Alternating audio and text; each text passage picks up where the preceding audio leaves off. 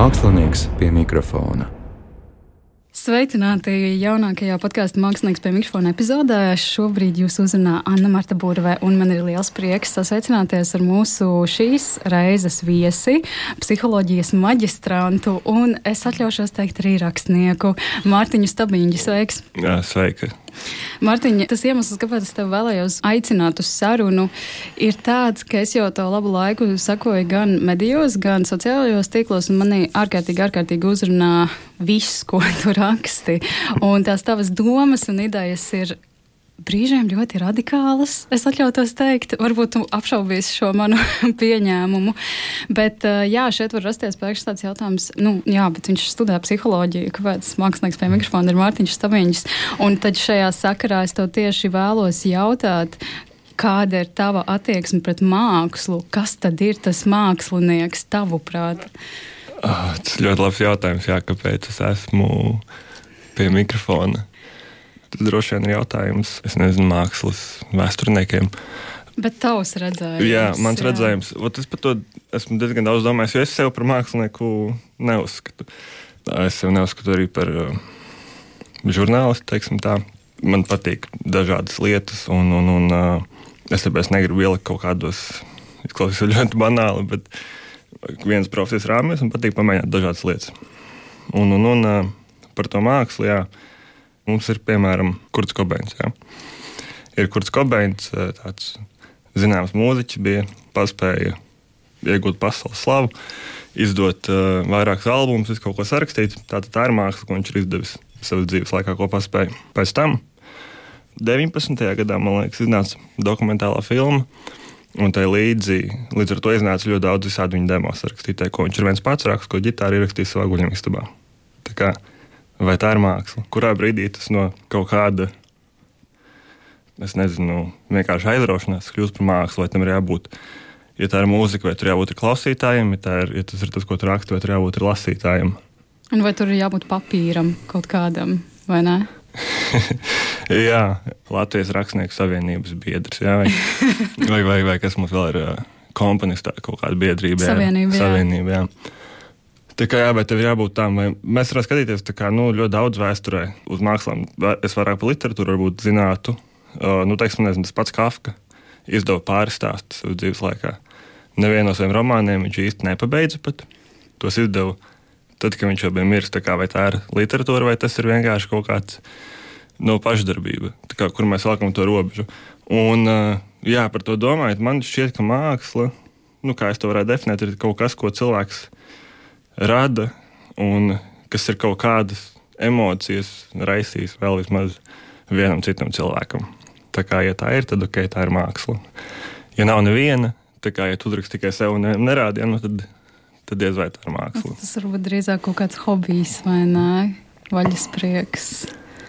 Nu, bet arī, arī māksla daudziem būs, būs hobijs, būs vaļas prieks. Tas pats Kobēns droši vien nu, rakstīja mūziku, tāpēc viņam patika. Mm -hmm. un, un, un tādā ziņā grūti pateikt, kur sākās viens un beidzās kaut kas cits, jā, kur beidzās tas hobijs un sākās māksla, mm. un kad tas kļūst par darbu. Un, nu, par darbu kļūst, ka tev maksā, jā, ok. Labi, bet līdz tam arī, nezinu, ir cilvēki, kas, piemēram, izdod paši. Pie mums Latvijā baigi tas nav populārs. Nu, zinu dažus, kas, teiksim, tāpat Karina Račko tagad pēdējos izdod pati. Bet nu, pirmos darbus biežāk meklē kaut kādas izdevniecības. Ja pastāstīs tekstu rakstā angliski, ir, ir vesela čūpa mājaslapa, kas vēlties tam, lai cilvēki varētu izdot savus darbus, jau prasīt naudu, neprasīt naudu. Tur nav bieži vien redaktors bijis nekas, viņi ir uzrakstījuši, viņi izdod citiem patīk, citiem varbūt nepatīk. Tas tās robežas jāstarp kaut kādu pašdarbību, un mākslas man liekas, ir tik ļoti izplūdušas.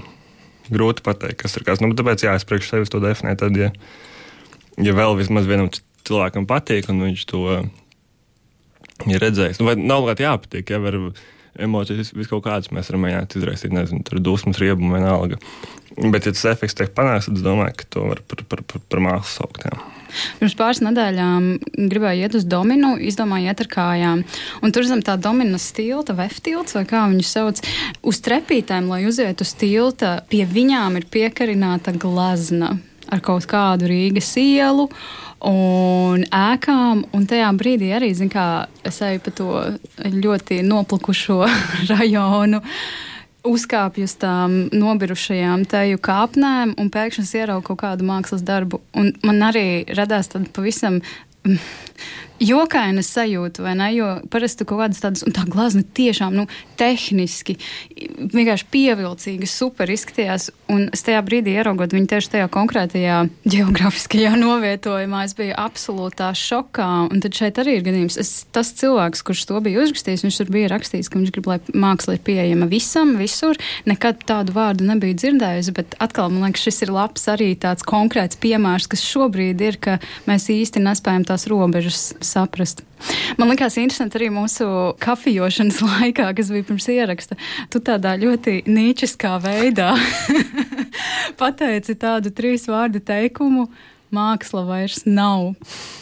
Es vēlētos, lai tu iztirzā šo domu, jo tā man likās ļoti pievilcīga. Ai, um, tagad uh, klausīsies mākslinieki un, un, un, un, un, un, un varēs man pārmest, ka, ko tad es. Nē, Nē tu esi Mārtiņš Staviņš, tu esi personība šajā brīdī. un tavas domas tiešām ir ārkārtīgi interesanti mm. uzzināt. Es domāju, ka varētu visu, visu raidījumu laiku runāt par to, vai māksla ir vai māksla nav. Es to konkrēti domāju pamatā par, eh, par literatūru. Jo mākslas mērķis ir radīt kaut kādas emocijas, paust kaut kādas savas pārdzīvojumus, domas, jā, idejas un tam līdzīgi. Un, uh, cilvēkiem ir ierobežots skaits emociju jūt. Jā. Mēs varam viņus skaitīt, mēs viņus varam mērīt. Par emocijām, ja mēs runājam, nu, tagad es kā psihologs runāju. Uh, Lieliski. par emocijām, ja mēs runājam, vispār mums viņas tikai dažas ir. Nu, viņas ir ļoti īslaicīgas. Ja? Cilvēki par to ir rakstījuši tūkstošiem gadu par saviem pārdzīvojumiem. Līdz ar to jautājums man ir, vai var tos pārdzīvojumus kaut kā izsāpēt citādāk nekā tas jau ir izdarīts miljoniem reižu iepriekš. Es saprotu, ka katram savēji ir vissmagākie un, un vissvarīgākie, par to es nešaubos. Bet um, tagad es lasu kaut kādas pēdējā laika izdevumus, kaut vai to pašu dzēju pieņemsim. Nu, man tāda sajūta, ka tas jau ir lasīts iepriekš. Un, uh, ir lietas, kas ir jaunas, ir teiksim, kaut kādas sevišķas saistības ar, kād, saistībā ar kaut kādām sociāli politiskām kustībām. Teiksim, Nu, paņemsim to pašu feminismu, jā, vai paņemsim kaut kādas teiksim, etniskās minoritātes, ne pie mums, bet uh, citur Eiropā, Amerikā, piemēram. Viņiem tas lauks ir ļoti tukšs ar to, ka nu, viņiem nav bijis tā platforma izteikties, principā, cik. Jā. Bet tādiem uh, baltajiem cisu vīriešiem, man liekas, ja, nu, ko, viņu, ko viņi vairs var uzrakstīt tādu interesantu. Es vienkārši domāju, ka tā mākslas kaut kāda funkcija viņiem būtu jābūt, manuprāt, ir ļaut izteikties cilvēkiem, kuriem nav bijis tā iespēja. Un, ja tas netiek darīts, ja, ja atkal tādi džeki kā es, ja 25, 30 gadus rakstīs par to, kā viņiem nezinu, sāp sirds, nu, tas ir vienkārši kam tas palīdz ja gribēs to darīt, kāpēc ne? Kāpēc ne? Protams, kā, ka, nu, man nav tiesību iet eh, kādam teikt, eh, ko var, ko nevar darīt. Un es pats arī ar to, ar to sāku kā loģiski. Ka, ja tas visu laiku kaut kur apkārt ir, ja tajā, nu, ko tu patērē. Tā nezinu, literatūra dzēja kaut kāda. Tad, protams, ka sākumā mēģināju kaut kādu atdarināšanu to darīt. Bet kaut kā tagad vairāk man, jā, man, man tās tēmas, kas ir nu, kaut kā man neaiziet. Un tas pats arī ja par citām mākslām runājam. Ja. Es neko neteikšu par to, kas ir saistīts ar vizuāliem, jo tur es vienkārši es neorientējos, es nesaprotu, ja man bilde ir bilde. Man ir grūti saskatīt tehnikas, ja man ir lasīt lekciju stundas vienkārši. Okay, jā, es tev piekrītu, jau es nevaru apmainīt. Nu, cilvēkiem dažādi, dažādi mēs uztveram lietas, dažādas uztveres ir attīstītākas. Bet, teiksim, par to pašu mūziku. Es mūziku zinu vairāk teorētiski, esmu pārāk slings, lai kaut ko mācītos spēlēt labi, bet teiksim, mūzikas teorijas nu, mācījos arī, arī privāti, sen atpakaļ. Un, un, un mūzikā man liekas, ka arī vēl jau vairāk, ja mēs runājam teiksim, par popmūziku, par mūziku, kam par radio ir, protams, cik pa laikam kaut kādas parādās pārsteigumi, ļoti patīkami pārsteigumi. Bet um, man liekas, aiziet tādā bezgalīgā imitāciju ciklā. Jā. Ir bijis kaut kas viens, kaut kas pirmais, kaut kas oriģināls, kaut kas foršs, ok, tad nākamais iedvesmojās un, un, un kaut ko līdzīgu dara. Tad nākamais iedvesmojas no tā, kurš ir iedvesmojies, un tas jau aiziet kurā pakāpē un beigās. Nu, tas viss tāds man personīgi liekas vienkārši neliekas pārāk interesants. Man tas uh, patīk, jaunas lietas, patīk patīk, ka kaut kas izklausās nepareizi, kaut kas izklausās ne tā. Tāpēc es kaut kādos 18, 19 gados aizrakos līdz kaut kādam avangardam un noizemēm, kas vispār nav mūzika. Tas vienkārši troksnis. Tāpēc, ka tur bija kaut kas tāds, kas tā kā tošņi parādīja, un es nekad nav dzirdēts vienkārši. Un, un šī tā stundu, jā. Tā varbūt arī nav māksla, jā. Tas, nezinu, tas ir kaut kāds eksperiments, performance vienalga, kas ir Bet tas ir interesanti, man liekas. Tas ir interesanti. Tas jā. nav dzirdēts. Es īstenībā arī domāju, man ļoti patika tā tevis paceltā doma par to, ka ienāk kaut kas jauns, un pēc tam no tā iedvesmojas viens, otrs, trešais. Kaut kā ļoti sasaistās vispār ar to kaut, tā, kaut kādu patērētāju kultūru, ka nu, mēs jums piedāvājam vienu, bet ja nu jums ar to nepietiek, vai vēl šito un šito un šito. Mm -hmm. Jā, nu, un, protams, ir, ir forši, ka cilvēki dara lietas, kas viņiem patīk. Un ir forši, ka citiem patīk. Es to absolūti saprotu. Es pats arī eju uz. Uh, cenšos iet uz, uz gan uz, jā, uz blockbuster, pastīties, gan lielu zvaigžņu kara fans un gradzenu pārvalnieku fans. Un, kā, protams, jā, man patīk, bet tas ir kaut kā citādāks. Nezinu. Es mākslu pats priekš sevis dalu tādās vairākās kategorijās, un viens ir tāds, nu, ir izklaidē. Jā. Nu, teiksim, tas pats zvaigžņu karjerā, tā ir izklaide. Tur nemeklē kaut kādu uh, mākslinieku vērtības neskaņas tur nav. Bet tas nav iemesls, kāpēc es viņu patērēju. Ja man gribās kaut kādas nezinu, emocijas gūt, piemēram, no mūzikas, jā, tad es zinu, ko es klausīšos. Ja man ir tur sava playlist, jā, kas kaut kādas emocijas man ir raisījis. Un tad, eh, teiksim, tas pēdējais, jā, kas ir tā funkcija, mums ir tā kaut kāda originalitāte, un to var vairāk ar kaut kādām jaunām tehnikām. Tieši iegūt vai jaunām kādām uh, lietām, kā darīt. Uh, un, un, un tas ir tas, kas man personīgi vairāk interesē. Kā, kā darīt lietas citādāk.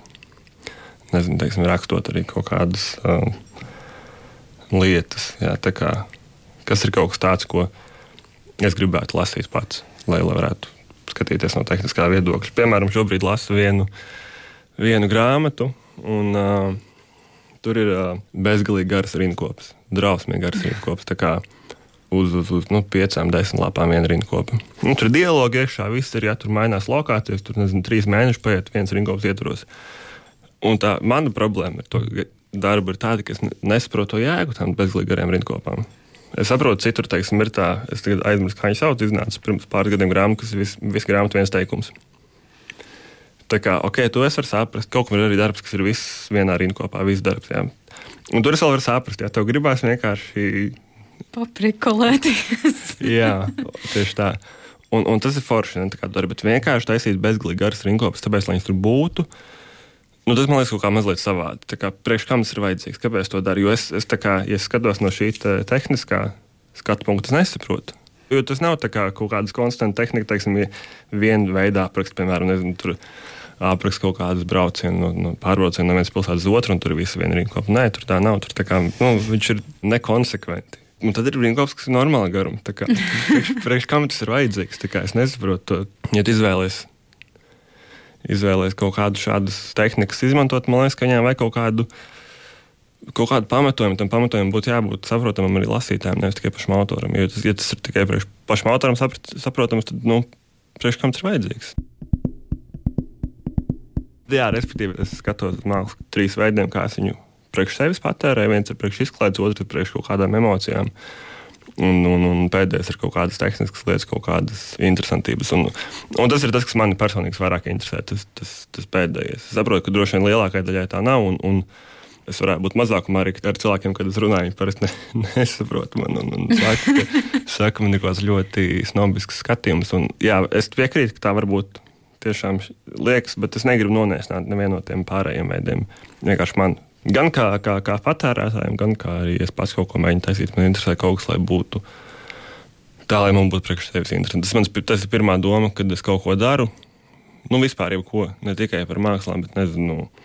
Domājot tēmas maģistra darbam, jā, ko es par ko es rakstīšu, vai nezinu, kaut kādas tēmas, tad, kad es par žurnālistu kaut ko tur ņemos tur reizēm, vai man būs interesanti par to rakstīt. Un, ja nebūs, tad es vienkārši nu, nedaru. Nu, izņemot, ja tas savulaik bija tā kā pamatdarbs, algas darbs. Jā, nevar pateikt, nē, es rakstīšu tikai to, kas man ir interesanti. Ir, Nā, arī... ir jau kaut kādas tās obligācijas, jā.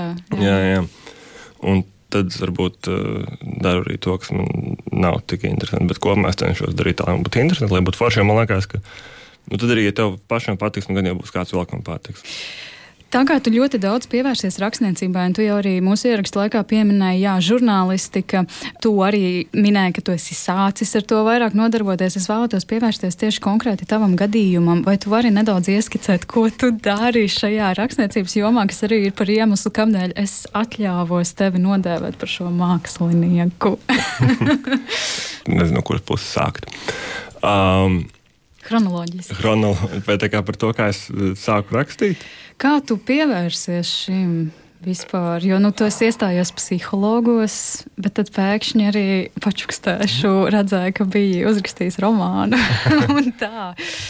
Jā, romānu, kuru kaut kāds laikam izdevies tagad skāties, pat īsti nezinu. Oh, Nē, nu tā kā izskata iespēju, viņi tā kā laikam bija painteresējušies. Principā tā uz kaut kādu izdošanos es baigi neiespringstu.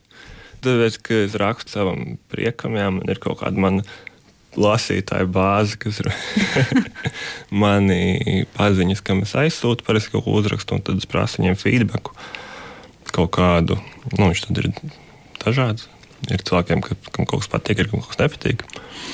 Man parasti ir tā, ka man ienāk prātā kaut kāda ideja, ko man gribās uzrakstīt. Es uzrakstu, jā. Parasti, nu, ja tas ir kaut kāds stāsts, tad parasti dienas vai divu laikā es principā noformulēju uzreiz galvā, ko es gribu no sākuma līdz beigām uzrakstu. Tad, nu, liekas, nezinu, man, man pat uh, kaut kas man prasīja, lai es aizsūtu savus, savus darbus, kaut kādus. Un uh, es sapratu, jā, ka man ir jāmeklē, kurus viņus saglabāju datorā. Tas ļoti haotiski, ļoti neorganizēti un ļoti neprofesionāli.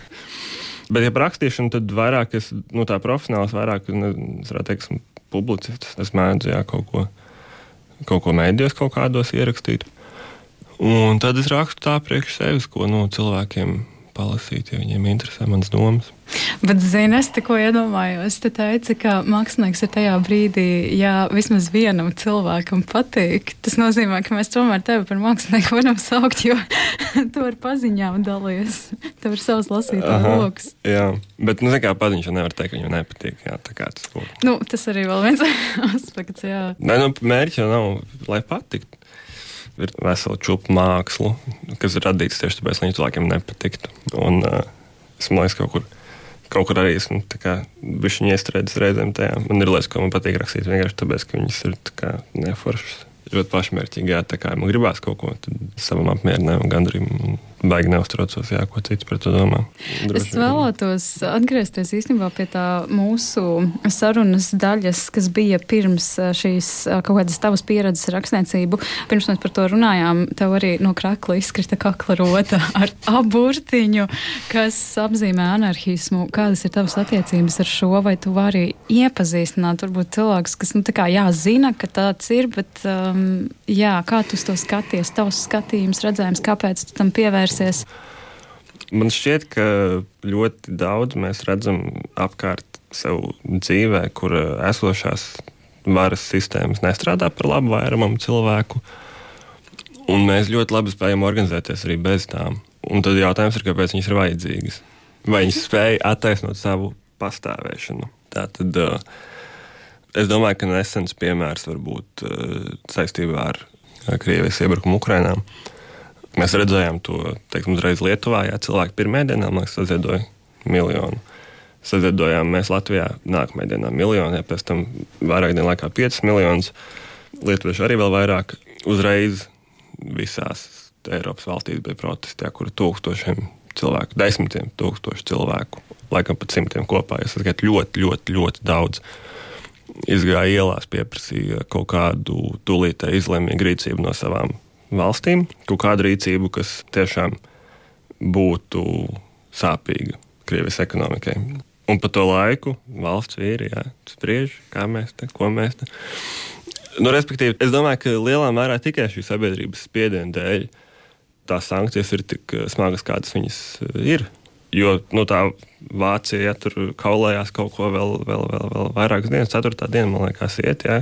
Notiek karš, cilvēki mirst, un viņi kā, domā par savu, joprojām kā, viņi kaut kādā domā par savām ekonomikām. Un, un viņiem tas ir svarīgāk nekā, nekā tas, ka reāli cilvēki mirst. Un, un, un sabiedrībai nu, tas nav svarīgāk. Visi cilvēki, ar ko esmu runājis, pilnīgi visi Gan jaunākie, ja, kas ir liberālāk noskaņot, tur man kaut kādi vienauži paziņas draugi, gan citi, kas ir vecāki, ar, ar ko man teiksim, politiski uzskata ļoti atšķirās.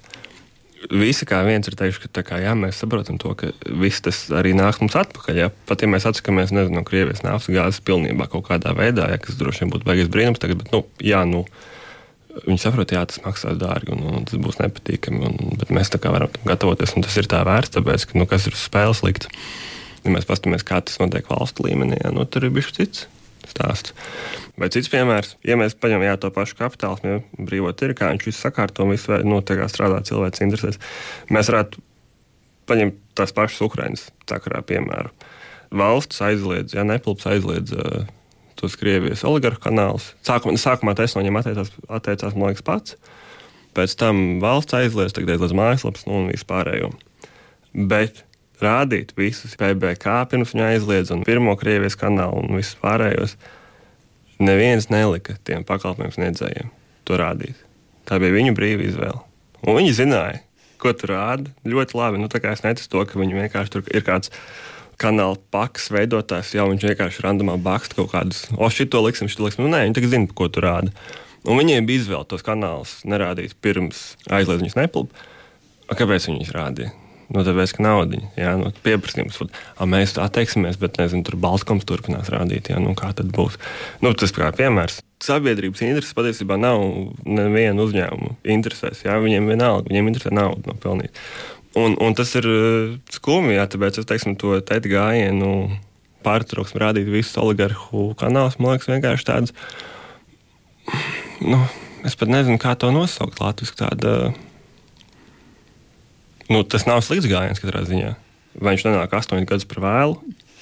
Nu, Es nezinu, kā. Un, un tad ir kaut kādas šīs runas par to, bet, uh, kāpēc mums ir uh, kaut kādās dažādās sabiedrības grupās kaut kāda kreisāka informācija, un kāpēc mēs dzīvojam dažādos informāciju burbuļos. Nu, jā, un, un, un, protams, mūsdienās jau tie, kas ļoti meklēs, atradīs viņu jebkurā gadījumā. Bet, uh, Vienkārši to, ka visi šie uzņēmumi ir līdzatbildīgi kaut kādā mērā. Es, es nevainošu tos telekomunikāciju pakalpojumu sniedzējus par iebrukumu, Krievijas iebrukumu Ukrajinā, bet par to, ka nu, sabiedrība varbūt nav gluži uz galam labi informēta ja, un, un, un nav spējīga atšķirt kaut kādu objektīvu informāciju no, no vienkārši meliem. Es domāju, ka tur viņiem kaut kāda liela vaina ir. Jo viņiem būtu bijis iespēja to nerādīt visu. Es varbūt neatbalstu tādu vienkārši prastu visas nepareizas informācijas aizliegumu. Jā, tas arī man liekas kaut kā bišķiņ aizdomīgi ir. Bet uh, tie ir kā, privāti pakalpojumu sniedzēji, kas izvēlās, ko viņi rādīt saviem skatītājiem. Kāpēc viņi izvēlas rādīt uh, saturu, kas vienkārši ir nu, Kremļa propaganda? Jo, teiksim, tad, kad aizliedza Latvijā PBK rādīt, tad viņi nomainīja uz PBK Igaunu. Tā kā vienkārši, nu, come on! Nu, kā, džeki. un tagad jūs kā, man saukt jūs par labiņiem, tāpēc, ka jūs preventīvi pārtraucāt rādīt kaut kādus tos Kremļa oligarhu kanālus, nu taču nē. Un tas ir ļoti daudz, ko teiksim, var redzēt tos piemērus, kur kaut kā nu, neiet tā realitāte, ja, ko mums stāsta, ka nezinu, kapitālismā brīvai tirgu viss ir labi un, un viss ir ideāli un viss sakārtojās un visiem, visi saņem to, kas viņiem pienākas. Nu, tas neatbilst realitātei. Man šķiet, ka arī pandēmijas laikā var redzēt to, cik daudz eh, kaut kādu darbu ir, eh, nu, ja nelieki, bet nu, tā kā varbūt būtu nezinu, optimizējami. Redzēju teoriju vienu ja, no citiem kreisajiem par to, kāpēc darba devēja vēlas, lai, lai darbinieki atgriežas strādāt klātienē, teiks, varētu tālināt. Un tas ir viens aspekts, tāpēc, lai viņi varētu tā menedžēt, ja, vai kas tur notiek un kā. Pat ja darba produktivitāte ir tāda pati, kā bija vai labāka. Bet otrs ir tas, tāpēc, ka visādi vidēja līmeņa menedžeri savādāk izrādās, ko viņi dara. Ja viņi, nu, viņi sēž tur un kā viņiem nav ko menedžēt. Jā. Katrs sēž mājās, dara savu darbu, viss ir kārtībā, viss notiek, ko viņi menedžēs. Nu, jā, un par to par anarchismu, kā es pie tā nonācu. Es varētu stāstīt par to, kā es pie definīcijas nonācu. Un, bet es domāju, ka tam nav baigā nozīme, tāpēc, ka nu, tās definīcijas ir uh, dažādas un, un, un ir dažādi atzari anarchismu, un katrs par kaut, ko, par kaut ko saucienās. Bet tā pamata ideja ir to, ka jebkura hierarhija, jebkura autoritāte nav attaisnojama. Un šis uzdevums autoritāti attaisnot ir uz pašas autoritātes pleciem. Ja viņi to nespēja, tad viņi ir jālikvidē. Nu, nu, jālikvidē nevis tādā kaut kādā vardarbīgā veidā, jāangāžot valdību, bet nu, no apakšas, nevis no augšas. Tā kā tu nevari nomainīt, jā, gāzt valdību jaunieti un teikt, to tagad mēs esam anarchistu valsts. Tas nestrādā. Tas tā nestrādā, tas ir jādara pašiem cilvēkiem. Bet tās vispār tās idejas, ja man sāka rasties jau ļoti agrā vecumā, sākuma skolā, pamatskolā. Tā kā man, nezinu, uzdod kaut kādu mājas darbu, ja tur, pieņemsim, kādā no, valod, no valodām, ja latviešu valodā kaut kādu mājas darbu uzdod. Un man latviešu valoda labi padevās. Un tad man bija jautājums, kāpēc man viņš ir jāpilda. Un parasti attaisnojumi, ja, tāpēc, ka visiem ir mājas darbs, un tam līdzīgi, nu, vai tas ir gana? Manuprāt, nav tās idejas ir to, ka kāds ir pamatojums tam, ka tev kāds kaut ko liek darīt, vai saka, ka ir tā, kā ir. Nu, ka ir jābūt tā, kā, tā kā mēs sakām. Tas vienkārši ir jautāt. Anarchisms nozīmē jautāt, kāpēc? Kāpēc, kāpēc man ir jādara tas, ko tu man saki? Ja tu man kaut ko liec darīt, un es tev prasu, kāpēc man to darīt, tev ir jāmāk paskaidrot, kāpēc. Tev ir jāmāk pamatot. Ja tu vari pamatot, viss kārtībā. Nu, ļoti, ļoti ķecerīgs piemērs, jo man nav bērnu.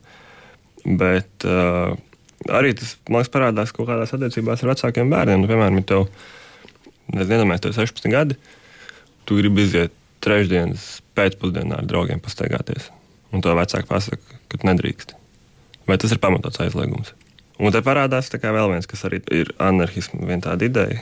Par, tieši par ģimenēm runājot, ka, teiksim, ka tās, ja tās varas struktūras mēs redzam visur. Un par ģimenēm runājot, tieši es lasīju tādu apzīmējumu, ka pret bērniem izturās kā pret privātību. Un to man liekas, ļoti labi var redzēt, eh, tad, ja mēs runājam, teiksim, kā šķirti vecāki savā starpā dala bērnus. Tas būtu viens piemērs.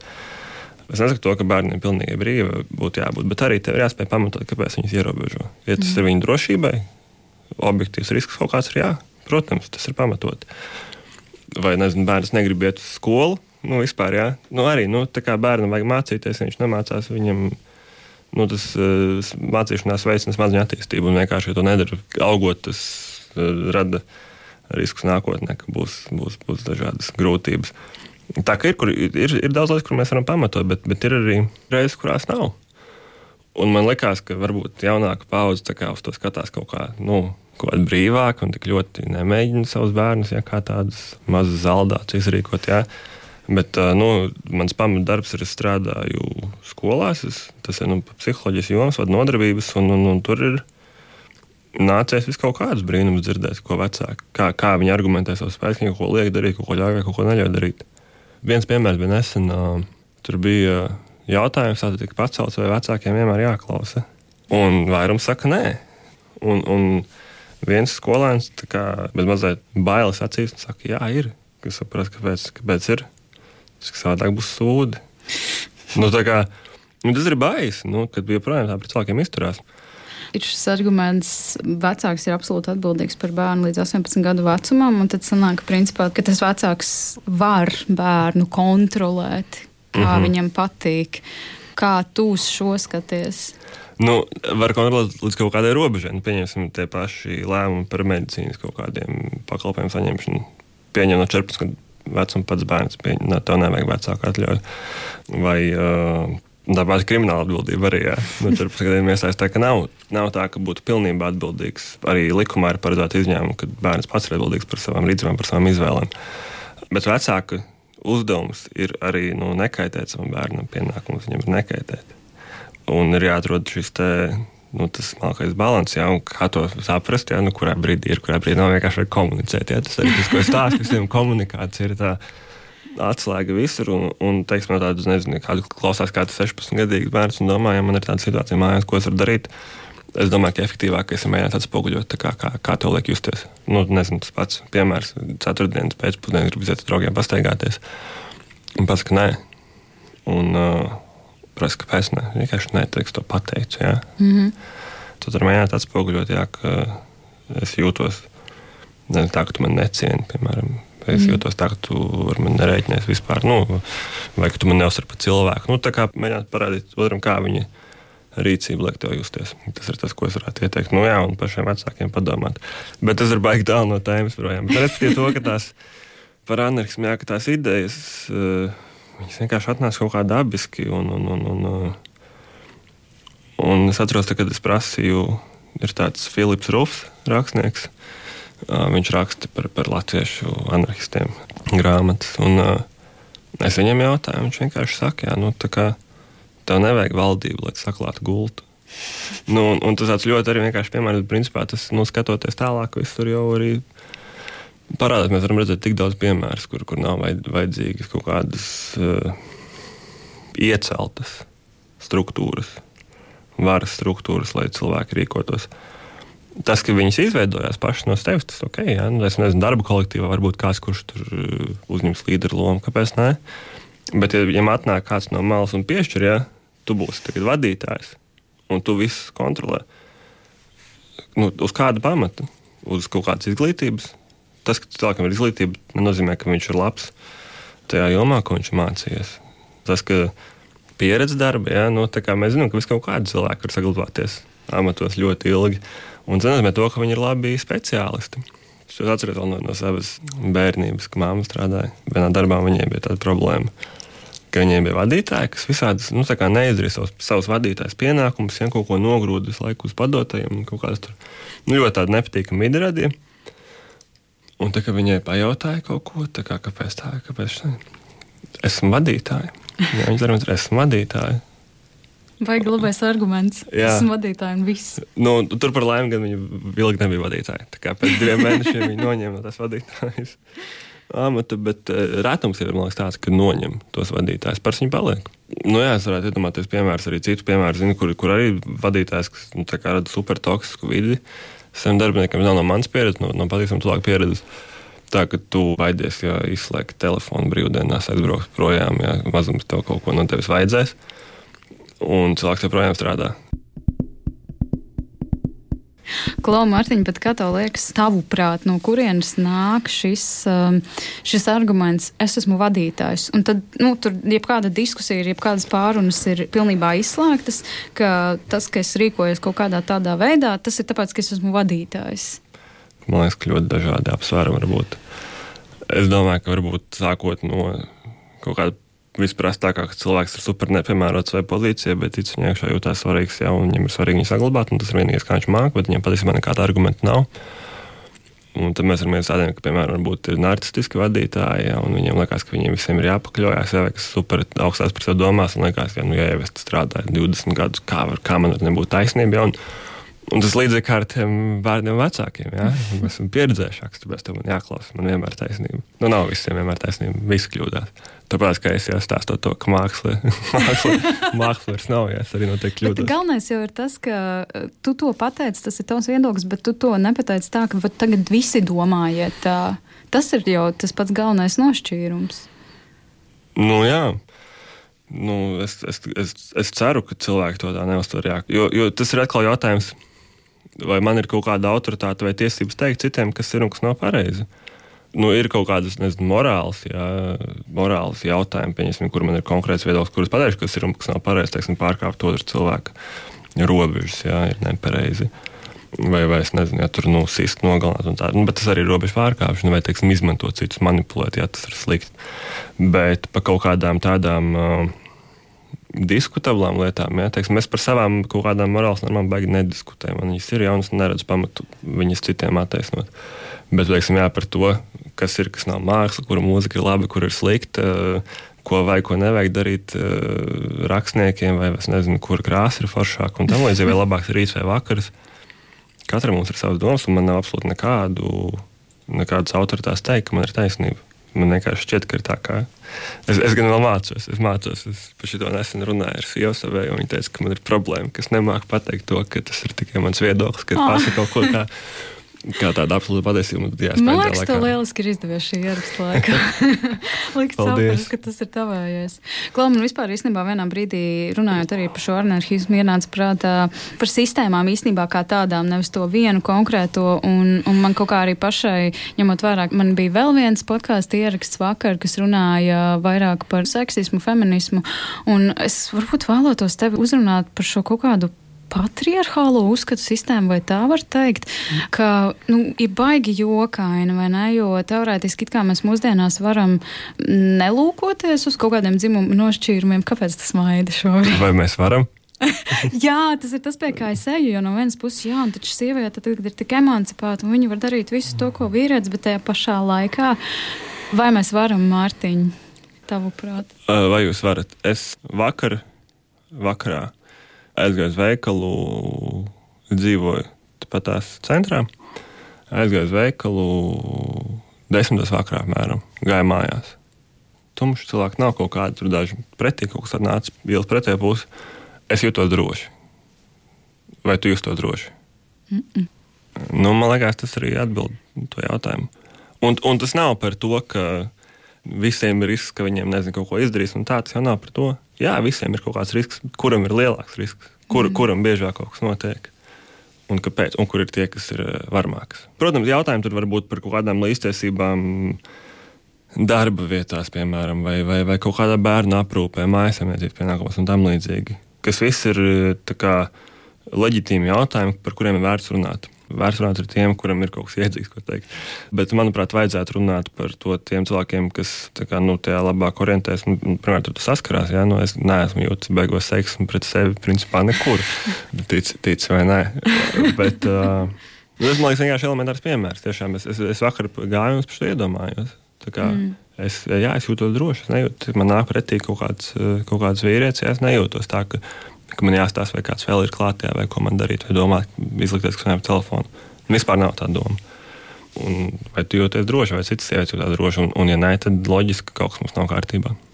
Varbūt var arī kaut ko no savas pieredzes parunāt, ko tas novērojis apkārt, arī tieši šajā kaut kādā patriarchālajā diskusijas joslā esot viena lieta, ko esmu novērojis, ir tas, ka ir ļoti grūti par to runāt ar vīriešiem. nu, tas, ka vīriešiem tā iegūst, nu, es tā skaitā, ne? būtu muļķīgi izlikties, ka, ka tā nav. Bet, jā, nu, teiksim, vīrieši par to negrib runāt. Tas ir tik ļoti caurvijās visai, pilnīgi, nu, pilnīgi visām mūsu dzīves jomām, ka tu pat īsti nezini, kur sākt. Piemēram, ja tu gribi uzsākt kād, ar kādu sarunu, kurš par to baigi neinteresēs, viņam tas nu, ļoti sekundārs jautājums ir, tad kā, var sākt situatīvi. Piemēram, man bija dzīves piemērs pagājušajā vasarā. Sēdējām ar draugu Labietī, karsta vasaras naktis. Jūlijas kaut kāds 28 grādi, 12 naktī, tā kā drausmīgi karsts. Sēžam, dzeram alu, un tur staigā cilvēki apkārt. Staigā tur puikas šortos, atvērtiem krākliem, staigā sievietes šortiņos, kaut kādos īsos svārkos, klaidās un tam līdzīgi. Un viņš skatās, oh, man tā patīk šis laiks. Man nu, tā kā skatās viņām, visiem, tā patīk šis laiks. Ar domu, ka, tāpēc, ka cilvēki ģērbies tā kā viņi ģērbies. Nu, sievietes ģērbjas tā kā ģērb, viņas ģērbies. Un, uh, un es viņam tā kā jautāju, vai tas, ko tu dari, ir ok? nu, nu, jā, es jau, es jau neko tā kā, es jau vienkārši tikai paskatos un priecājos. Saku, bet saprotu, vecīt ārā ir 28 grādi, ja ko tā kā gaida no cilvēkiem nu, kā viņam būtu jāģērbjas. Nē, nu, jā, nu, bet, kā, jā, bet viņi, viņi tā rēķinās to, ka, ka, kas viņiem skatīsies. Nu, kā, tas viņam mēģina, kaut kādā mēģināt viņam atspoguļot to, ka nu, nav baigi forši tas, ko viņš dara. Es viņam jautāju, kā, vai tu varētu savai draudzenei, viņas klātbūtnē tā runāt, vai tu viņai varētu paskaidrot, kāpēc tā runā. Nē, viņi droši vien nesaprast. Tad joprojām viss ir ok. Jā, joprojām viss ir ok. Jā. Tā, kā, tā ir viena problēma, ja, par, ja mēs runājam, ko esmu novērojis. Ir, ir, ir, ka cilvēki bieži vien vienkārši nesaprot. Viņiem parāda kā, nu, elementāri kaut kādu piemēru. To, ka tu šobrīd tur rīkojies, manuprāt, nepareizi, un to, ka tu citu cilvēku labotnē tā nerunātu. Viņam tāds nu, vispār neaiziet, tas ir viens. Un otra lieta ir kaut kāda internalizēta aizsprieduma, kas arī mēs runājam par to, kā sievietes par to runā, par kādām lietām, ko, ko viņi skatās. Ja. Un to es pamatā redzu publiskajā telpā, tāpēc ka sev kaut kā esmu savu burbuli izveidojis tādu superliberālu ja, un, un baigi. Nu, daži cilvēki ir, ir man apkārt, kam varbūt ir šie iekšējie spriedumi raksturīgi. Nu, piemēram, kaut kāda diskusija bija, tas bija pēc Tomas pārupa tā, tās visas vis nākšanas gaismā. Tad ir visādi vatabautisti vīrieši, kuri runāja par to, ka sievietes ir emocionāli vardarbīgākas. Un, un, un, kā, kāpēc mēs par to nerunājam? Un tad viņi pajautā, nu, kāpēc tu nerunā? Un tad viņi turpina nerunāt. Un šajās arī parādās kaut kādas teiksim, argumenti no sievietēm, ja, vardarbībai no dzimuma. Ja, visi var būt varmāks, visi var būt upuri. Nu, taisnība, jā. Visi var būt varmāks, visi var būt upuri. Un, un abu dzimumu pārstāvji ir gan viena, gan otra. Bet kādās proporcijās? Un to, ka pieņem to sabiedrības kaut kādu valdošo narratīvu, ka, ja tu vari tikt strādāt par CEO, jā, tad uh, viss ir kārtībā. Tajā pašā laikā tas nekas, ja mēs paskatāmies uz valdības sastāvu, paskatāmies uz saimnes sastāvu, paskatāmies uz tiem pašiem CEO, jā, ne tikai Latvijā, bet pasaulē, cik daudz ir vīriešu, cik daudz ir sieviešu.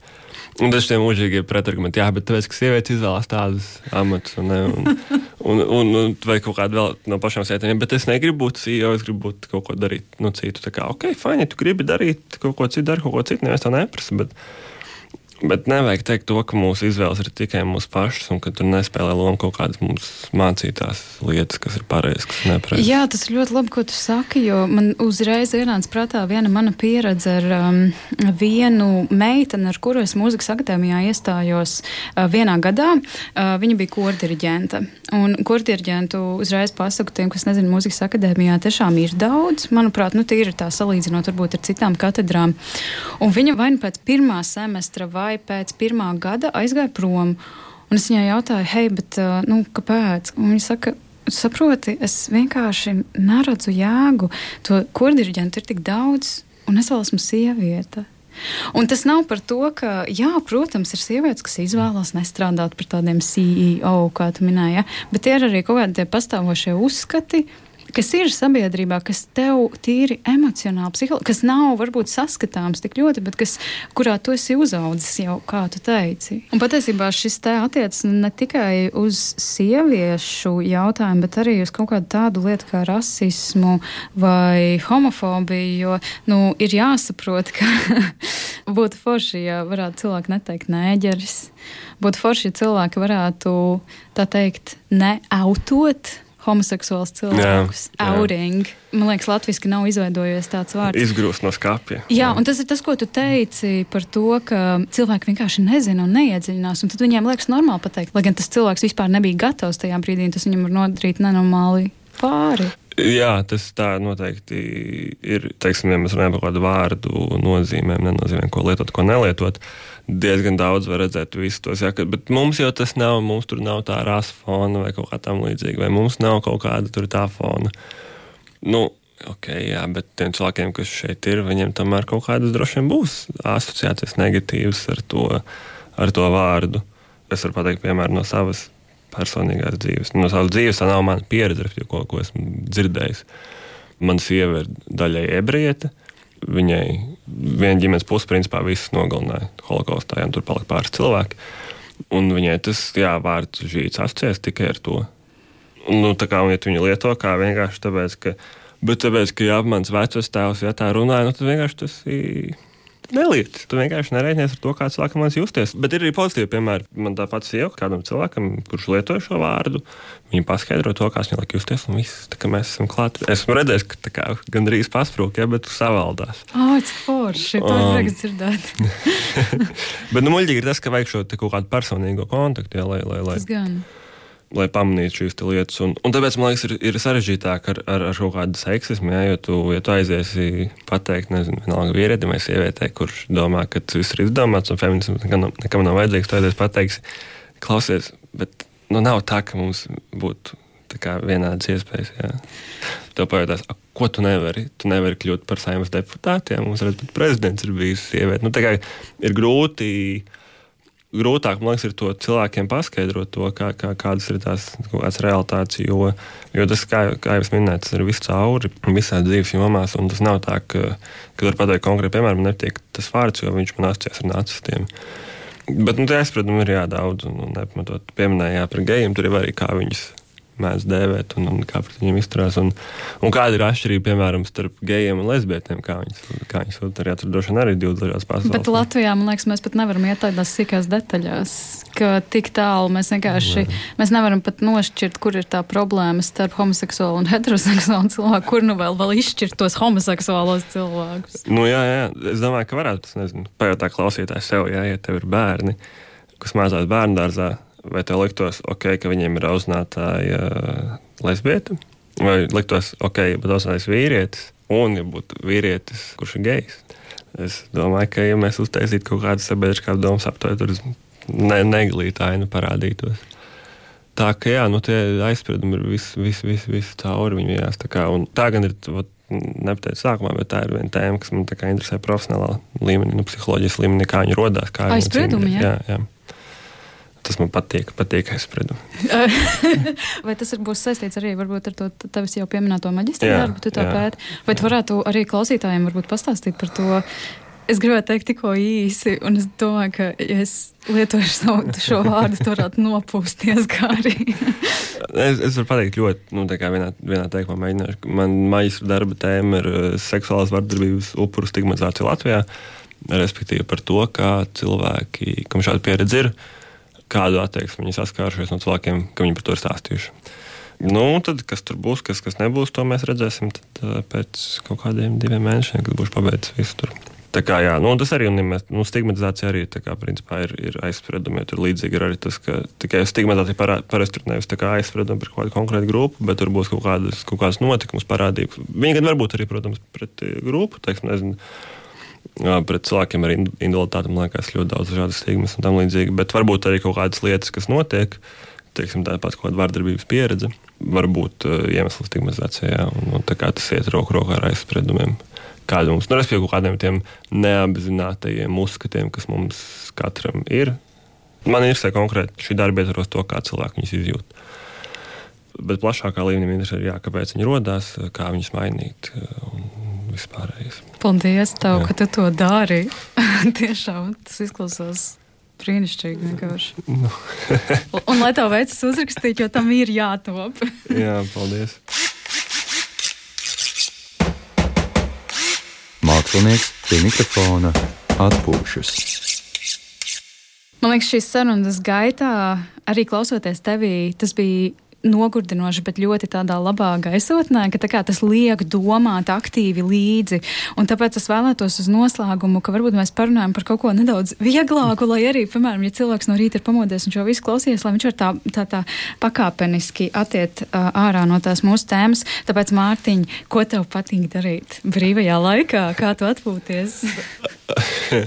Man patīk meklēt argumentus, kāpēc es neesmu mākslinieks. Bet, uh, ja tā nopietni, man, man, patīk, ar to pašu mākslu nodarboties dažādos veidos. Man patīk lasīt, man patīk, uh, patīk mūzika. Patīk, jā, pamatā es viņu klausos, jo es jau minēju, esmu pārāk slinks, lai kaut ko spēlētu pats. Bet jā, tā diezgan vienpatīgi man tie vaļas prieki lielākā daļa ir. Jā. Lasīt, piemēram, jā, grāmatas, akadēmisko literatūru, vienkārši ziņas un tam līdzīgi. Viss, kas ir tekstā, patīk patīk jāpastaigāt. Bija viens politiķis, kurim bija šis, viņam pajautā, kāda viņam ir hobija. Viņam pat, viņš pateica, ka viņam patīk pastaigāties pa šito ielu, apmēram tādā garā. Tā kā tas nav hobija. Bet, jā, man patīk, man patīk staigāt, man patīk pārgājienos, iet un tam līdzīgi. To gan kādu laiku, diemžēl, nav sanācis. Un, ja man gribās tā rītīgi atpūsties, pilnībā atslēgties, tās ir video spēles. Tas tā kā varbūt nav pats tāds. Uh, Produktīvākais veids, sevišķi ir kaut kāda stresa ja, par lietām, kas būtu jāizdara. Un, un, un, bet tu prokrastinē tādā veidā, kas nav labi, jo tev pēc tam tāpatās ir, bet reizēm gadās, ka ir tā kā tiešām ritīgi pa daudz. It sevišķi tas bija tad, kad uh, pirms gada mēram man bija, bija pārstrādājies rītīgi izdedzis un, un, un citas problēmas nu, saistībā ar psihisko veselību tās pārstrādāšanās dēļ ir tik grūti, un tad, tad ļoti daudz jāspēlē. Tāpēc, ka vienkārši tu nevari pabeigt darbu, ja, un tev vajag kaut ko pavisam citu. Tas palīdz tam smadzenēm atslēgties. Jā, un, un, un tas, mm ir, mhm. tas ir lielisks veids, kā tu vispār nedomāji. Tas, ka tu paņem to uzmanību visu, ja, un tu vari paspēlēt, un arī jāslēgties no visa. Tas ir tāds, ko es arī cilvēkiem kuriem ir tāda iespēja un kuriem varētu, liekas, ka patīk, iesaku pamēģināt, jā, ja gribās rīktīgi. Tā kā pilnībā. Tas tā kā arī galda spēles, kaut kas tāds foršs, ne, bet tur vienmēr vajag kaut kādu kompāniju, kaut ko vēl. Bet to tu vari viens pats darīt, jā, un, un, un tev nevajag nekādu nekāda iesaistība. Patiesībā par to atpūšanos jautājumu es tikai sāku domāt, cik ļoti ir mainījies tas, kā cilvēki atpūšas droši vien pirms un pēc Covid. Jā. Bet tiešām, jā. jā tāpēc ir tā, es, es principā visu hobiju ir izveidot tā, lai to var darīt viens pats. ka nevajag citu cilvēku. Nu, bet, nu, Bet cerams, jā, ka tas tagad ies uz otru pusi un, un, un, un mm. ka varēsim mm. atgriezties pie atpūšanās, jā, visādiem nedarbiem. Klaus, tev vēlējos vēl jautāt, tu tik daudz runā tiešām par šiem tekstiem, kā tu minēji, gan akadēmiski, gan vienkārši ziņas, gan arī šie kaut kādi mākslinieciskie teksti. Vai tev ir iespēja vispār vārdos noformulēt, kas ir tas, kas tevī tieši tekstos? Jo, zin kā, ir cilvēki, kas varbūt ir superjūtīgi, kā, piemēram, es tieši uz skaņām vai citi uz krāsām, vizuāli. Kas ir tas, kas tevī tekstā piesaista tik ļoti? Droši vien tas, ka man personīgi liekas tik vienkārši. Man liekas, tik elementāri. Tā kā tu vari ar tādiem sīkumiem kaut ko pamainīt. Nezinu, teiksim, iedomāsimies, ja dzējoli atraksti un tu vari rakstīt viņu tur. Smukā, ar, ar ievērojot pat pantmēru un askaņas un vispārējo. Bet tu vari paņemt, teiksim, ielikt vārdu trīs reizes pēc kārtas. Ja? Un tas kā, uzreiz izmaina to visu noskaņu. Tas viens kaut kāds niedz. Man liekas, ka tieši tas, jā, minēju, kas mums links. un ar vārdiem var tik ļoti viegli viņiem var, var operēt. Jā, mums kaut kā liekas, kaut kā dabiski nāk, ja visi mēs, nu visi nē, bet lielākā daļa mēs runājam. Un, un, runājam no ļoti agra vecuma. Un, Bet tur noteikti es pieļauju, ka tomēr ir cilvēki, man liekas, droši vien arī esmu no tiem cilvēkiem, kuriem arī vienkārši iekšā kaut kāda tā tieksme uz vārdisko tiešām to saprast tik vienkāršā veidā noteikti ir lielāka. Jo es zinu, ka es, piemēram, arī rakstu, bet man tas sagādā diezgan liels mocības nekā klausīšanās un Aha. kaut kāda apstrāde ar skaņu. Un, nu, jā.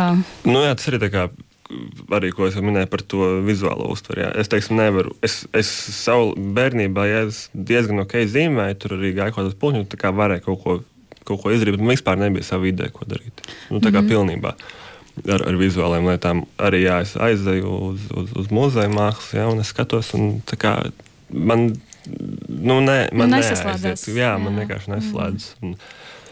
Jā, nu ir dažādi vien lietas, ko mēs labāk uztveram, vai dzirdi, vai ar acīm, vai, vai kaut kā vēl, vai tekstu, vai, vai attēlus labāk. Jā, teiksim, arī mācoties, ir cilvēki, kuriem vajag kaut kādus tos Q kārdus, tā saucamos, jā, mm. tev parāda mm. acu priekšā. Uh, Nu, tā kā jā, man vienkārši man, man tas liekas tik vienkārši, man tas liekas tik pašsaprotami. Es domāju, ka tā nav. Es pieļauju, ka tā nav, bet, bet man patīk, vienkārši patīk, kā, kā tu viņus vari ņemt un likt un pārlikt vietām. Jā. No nu, otras puses, ir baigā sodība. Jo es, piemēram, kaut ko uzrakstu, nerunāsim jā, par dzējoļiem vai kaut ko tādu. Viņu uz, uzrakstu tvītu, jā. Mm -hmm. Tu viņu pasties pēc stundas un domā, kā tu būtu varējis labāk, labāk, labākā secībā vārdus salikt. Tā kā tāds jā, koks ar diviem galiem. Klau, Mārtiņ, uz atvedām es vēlētos tev palūgt, ka varbūt tu mūsu klausītājiem šobrīd varētu varbūt kaut ko saistībā vai nu tas bija ar mūsu sarunu vai vienkārši kaut kas, ko tu vēlētos izlaist pasaulē, novēlēt, iedvesmot tam līdzīgi. Um, tas, ko es aicinu cilvēkus, ir meklēt pozitīvos piemērus.